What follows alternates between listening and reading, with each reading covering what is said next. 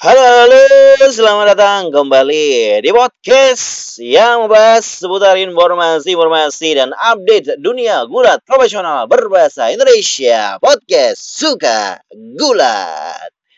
Selamat datang kembali teman-teman yang selalu mendengarkan podcast ini, uh, yang setia juga mendengarkan podcast ini. Semoga bisa bermanfaat informasi-informasi yang disampaikan ya. Pagi ini kita sudah menyaksikan uh, terakhir Wednesday Night War antara All Elite Wrestling Dynamite melawan NXT yang sudah berlangsung uh, sejak uh, All Elite Wrestling Dynamite episode pertama di tahun 2019 ya.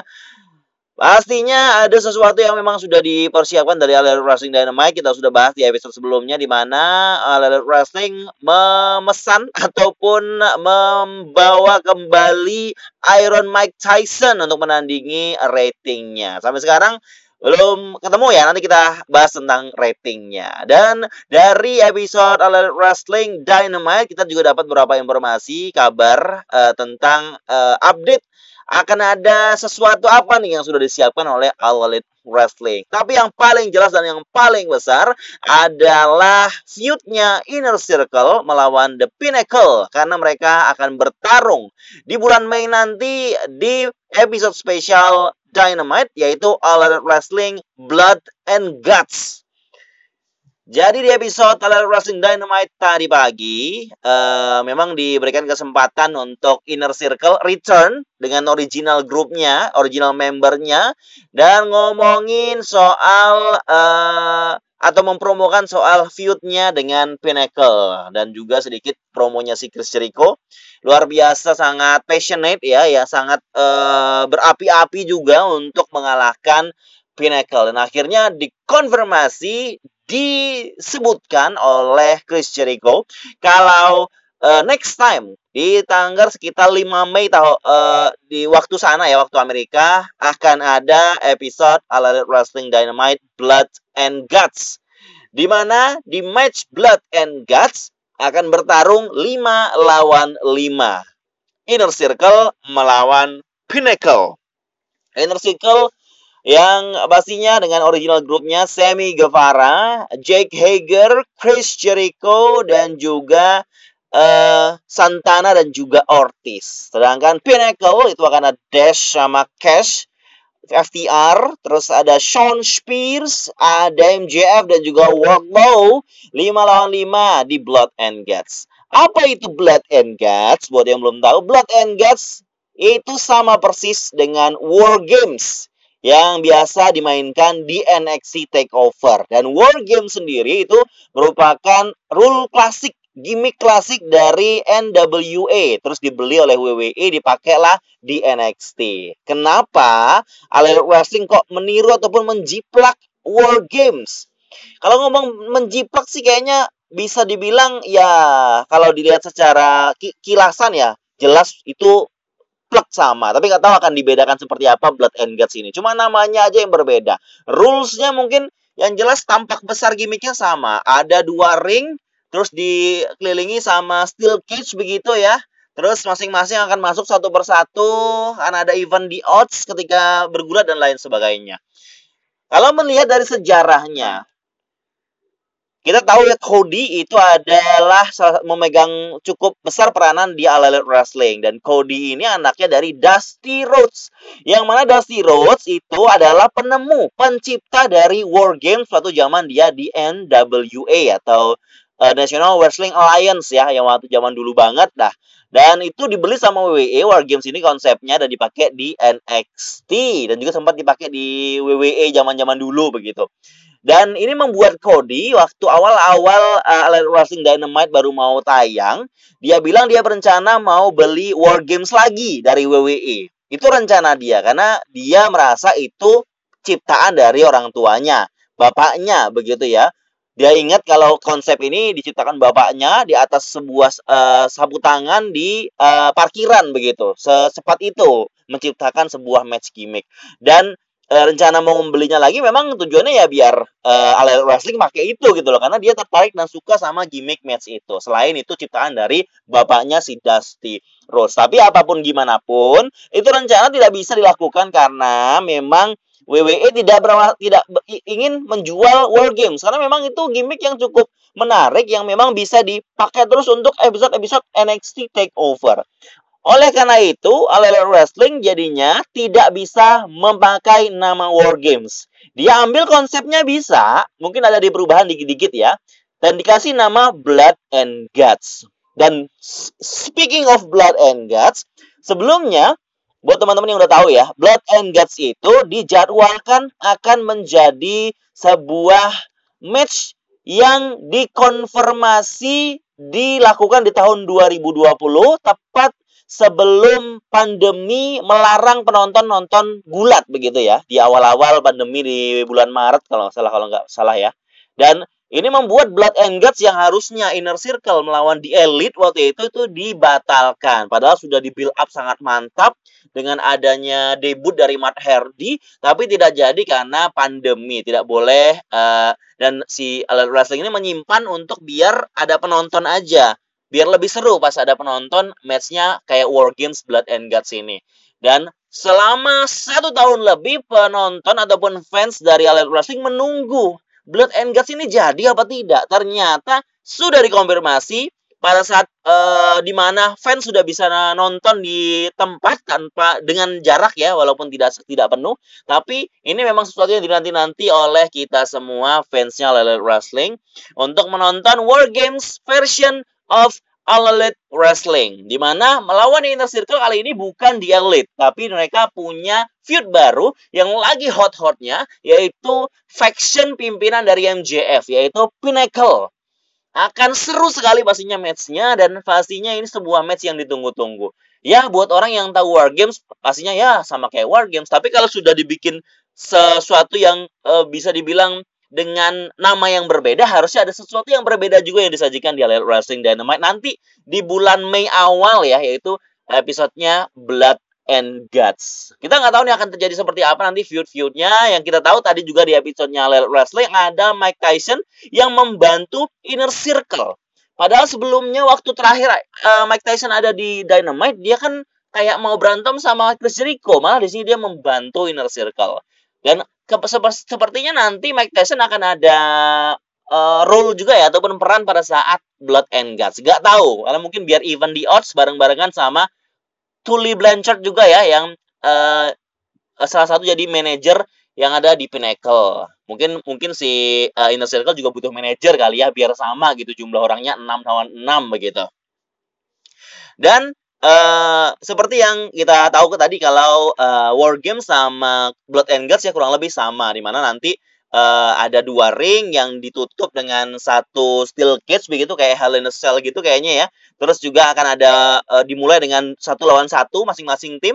Dan sisanya orang yang ada dalam tim itu belum bisa masuk sampai ada waktu mereka bisa masuk. Akhirnya yang pertama masuk nanti dua lawan satu jadinya. Terus dua menit kemudian masuk lagi satu-satu masuk lagi yang satu ada dua lawan dua terus jadi tiga lawan dua terus tiga lawan tiga empat lawan tiga dan seterusnya.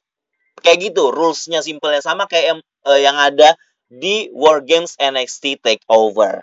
Akan seperti apa akan seseru apa Blood and Guts? Apakah seseru yang ada di NXT kita harus menunggu di bulan Mei kita menunggu lagi ya tapi menunggunya nggak kayak gak kayak tahun lalu yang menunggu sampai setahun lebih. Sekarang kita hanya menunggu sama satu bulan lebih di bulan Mei. Sebenarnya saya juga mau mereview uh, Stand and Deliver.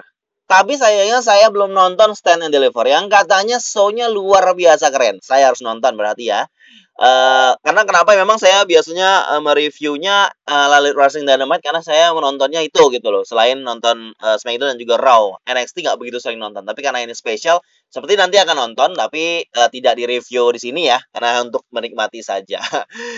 Dan juga kita lanjutkan informasi berikutnya yang datang dari kabar WrestleMania. Eh bukan nih, bukan WrestleMania. Oh iya WrestleMania.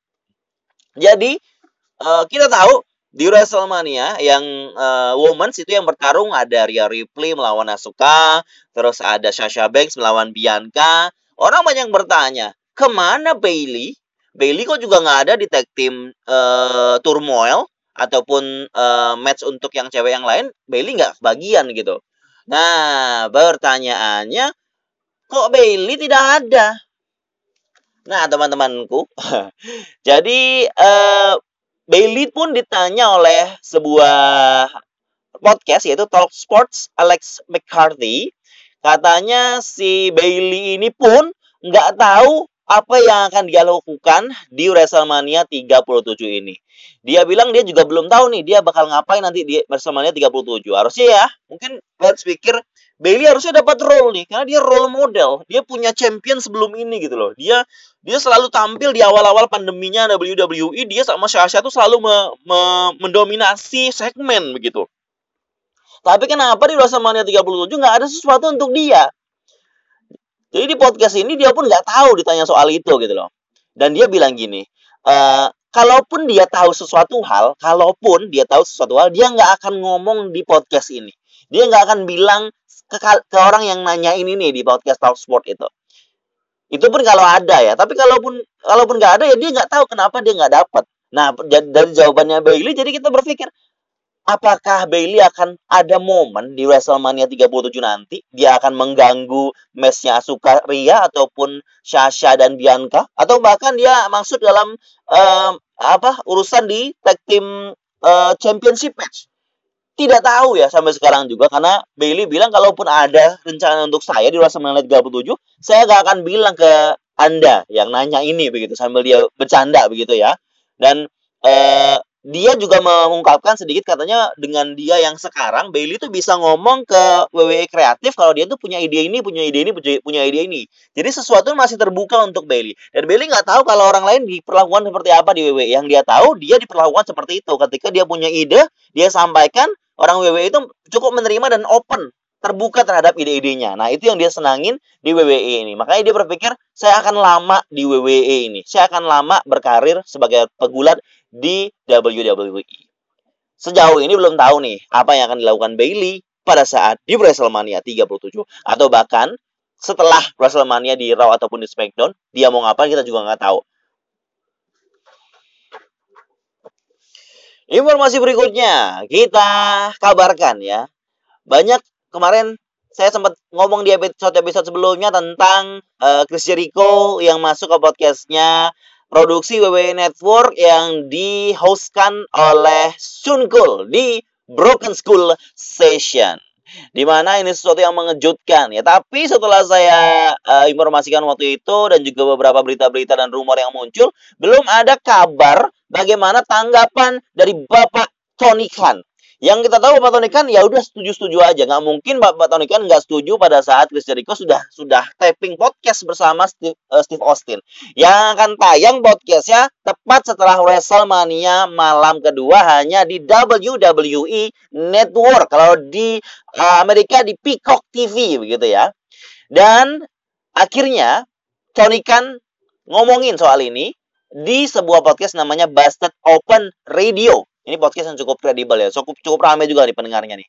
Dan uh, dia bilang sebelumnya dia malah nggak tahu akan kabar ini. Dan kabar ini disampaikan oleh Vice President of All Wrestling, wakil presidennya AEW yaitu Chris Harrington yang ngasih tahu ke Bapak Tony Khan ada yang uh, dipersiapkan ataupun ada yang direncanakan oleh WWE dengan Jericho yang mereka ingin lakukan begitu. Si WWE sama Jericho ingin lakukan begitu ya. Dan uh, ketika Chris Harrington ngomong seperti itu dan Tony kan terkejut. Terkejut akan ide di mana one of his wrestle, salah satu pegulatnya akan muncul di acaranya produksi dari WWE. Dan itu membuat dia diam, terdiam sejenak ya katanya ya.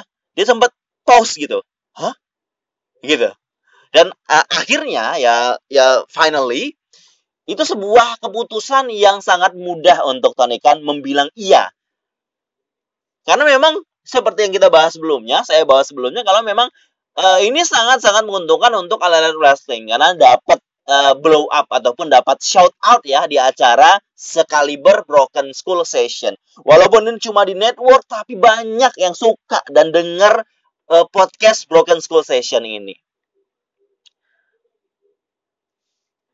Dan seperti yang saya bahas juga sebelumnya, kalau ini merupakan uh, ini menunjukkan kata si Empang ya di episode sebelumnya saya bahas, mungkin bisa didengarkan yang belum dengar. Katanya si Empang ini menunjukkan kalau Bapak Vince itu sama sekali nggak takut sama persaingan yang digembar-gemborkan oleh Elite Wrestling. Yang katanya akan berkompetisi dengan WWE. Ya jelas lah ya memang. Saya setuju sekali. Elite Wrestling itu nggak ada tandingannya sama WWE. Levelnya tuh sudah beda gitu. Sangat-sangat jauh lah bisa dibilang untuk saat ini ya sangat-sangat jauh. Walaupun memang Tony Khan tuh bisa dibilang bapaknya si Said Khan itu lebih kaya daripada bapak Vince McMahon. Tapi untuk saat ini yang punya promosi gulat yang memang uh, uh, memang parlente ataupun bergengsi dan global itu cuma WWE yang orang tahu gulat ya WWE gitu loh seluruh dunia Nah, ini tugasnya Bapak Tony Khan dan juga uangnya, dan juga semua pegulatnya itu untuk bisa uh, memang benar-benar menunjukkan kalau memangnya ya dia dia layak sebagai uh, promosi gulat yang bisa menandingi WWE. Itu saat ini belum ya. Walaupun saya tetap menyaksikan alat wrestling seperti yang saya pernah bilang juga tujuannya ya karena saya uh, pengen melihat sesuatu cerita dan wrestle serta apa pun yang terbaru gitu loh. Yang berbeda dari apa yang WWE sajikan. Karena sudah lama sekali kita nontonnya WWE WWE, WWE terus gitu loh. Jadi kayaknya sama itu itu aja gitu loh. Walaupun ya memang orangnya berbeda tapi tetap aja ada formula yang yang kita terkesan ya ya gitu-gitu aja gitu loh. Tapi ketika wrestling ini sesuatu yang berbeda. Yang baru fresh lah menurut saya begitu ya Nah, terlepas dari hal itu, mungkin harapan saya sih pribadi, Chris Jericho masuk WWE, ya ada angin segar lain lah untuk kelanjutan dari uh, apa hubungan baik ini. Waduh, hubungan baik ini. Dan uh, dengan NXT tidak lagi berkompetisi dengan All Elite Wrestling Dynamite itu mungkin membuat masing-masing dari brandnya NXT WWE dan All Elite Wrestling Dynamite ini bisa memberikan performa terbaiknya walau tanpa uh, lawan walau tanpa saingan begitu. Soalnya biasanya kalau kita sudah punya kita ada saingan, sebuah show yang kita punya ini ada saingannya, kita berusaha untuk buat show yang baik baik baik terus biar kita bisa mengalahkan saingan kita. Tapi ketika nggak ada saingan, takutnya Elite Wrestling jadi ya kendor gitu. Jadi kayak mau bikin show ya, ya biarin aja lah kayak gitu aja. Ya begini aja deh, begini aja deh gitu loh. Harapan saya moga-moga ya tidak ada yang begitu walaupun tidak ada saingan lagi atau Ini pilihan bagus nih. Elite Wrestling ikut pindah ke jam sama dengan NXT. Nah, ini mungkin jadi sesuatu yang kontroversial dan besar lagi dong pastinya. Ya enggak. Atau mungkin Elite Wrestling punya produk yang akan ditayangkan. Mungkin uh, Elite Wrestling Elevation mungkin yang dark sekarang mau jadi sebuah produk untuk TV yang akan ditayangkan di jamnya NXT yang akan ditayangkan begitu. Apakah mereka akan terus berkompetisi seperti ini? Ataukah mereka akan fokus dengan masing-masing uh, produk yang mereka miliki itu yang kita harapkan semuanya. Semoga semuanya terbaik. Dan ini pastinya yang terbaik untuk dunia gulat profesional. Informasinya sampai situ aja. Kita sedikit aja karena memang nggak banyak ya. Soalnya saya nggak nonton stand and deliver nih. Kalau tonton mungkin saya cerita. Ada saya mau shout out dikit nih untuk teman uh, saya virtual teman virtual karena belum pernah ketemu ya yaitu Brovian atau Colby atau nama uh, nama Instagramnya I knew you would come gitu. Sekarang sedang berada di lokasi tempat penyelenggaraan WrestleMania 37, Bro. Dia udah punya tiketnya malam satu dan malam dua, Bro. Dia naik haji, Bro. Naik haji se apa selevel atau setara gulat profesional, fans gulat profesional ya. Semoga mabrur ya, Bro Vian. Semoga juga uh, apa namanya bisa cerita pengalaman-pengalamannya ketika berada di event WrestleMania di masa pandemi. Jadi yang jelas nggak bisa foto-foto nih kalau masa pandemi ya, yang bisa yang nonton secara live aja, mungkin bisa juga uh, uh, di nanti mungkin bisa ceritakan di podcastnya di uh, belum ada nama podcast ya di channel YouTube-nya. Pokoknya sukses selalu. Semoga kita semua nih doain ya bro dan juga teman-teman semua yang mendengarkan uh, podcast ini kita bisa menyusul menonton acara WWE Live secara live WWE live acara-acara gulat profesional secara live walaupun nggak bisa ke WrestleMania mungkin ke pay per view lain atau ke episode Raw SmackDown atau mungkin ya mungkin ketika WWE main ke Singapura lagi mungkin atau All Wrestling main ke, ke Asia Tenggara lagi bisa kita datangi. Amin. Tapi sejauh ini ya Thunderdome dulu aja lah ya. Terima kasih buat sudah mendengarkan. Saya sudahi dulu. Ya, jangan lupa selalu mendengarkan podcast Suka Gulat. Teng teng teng.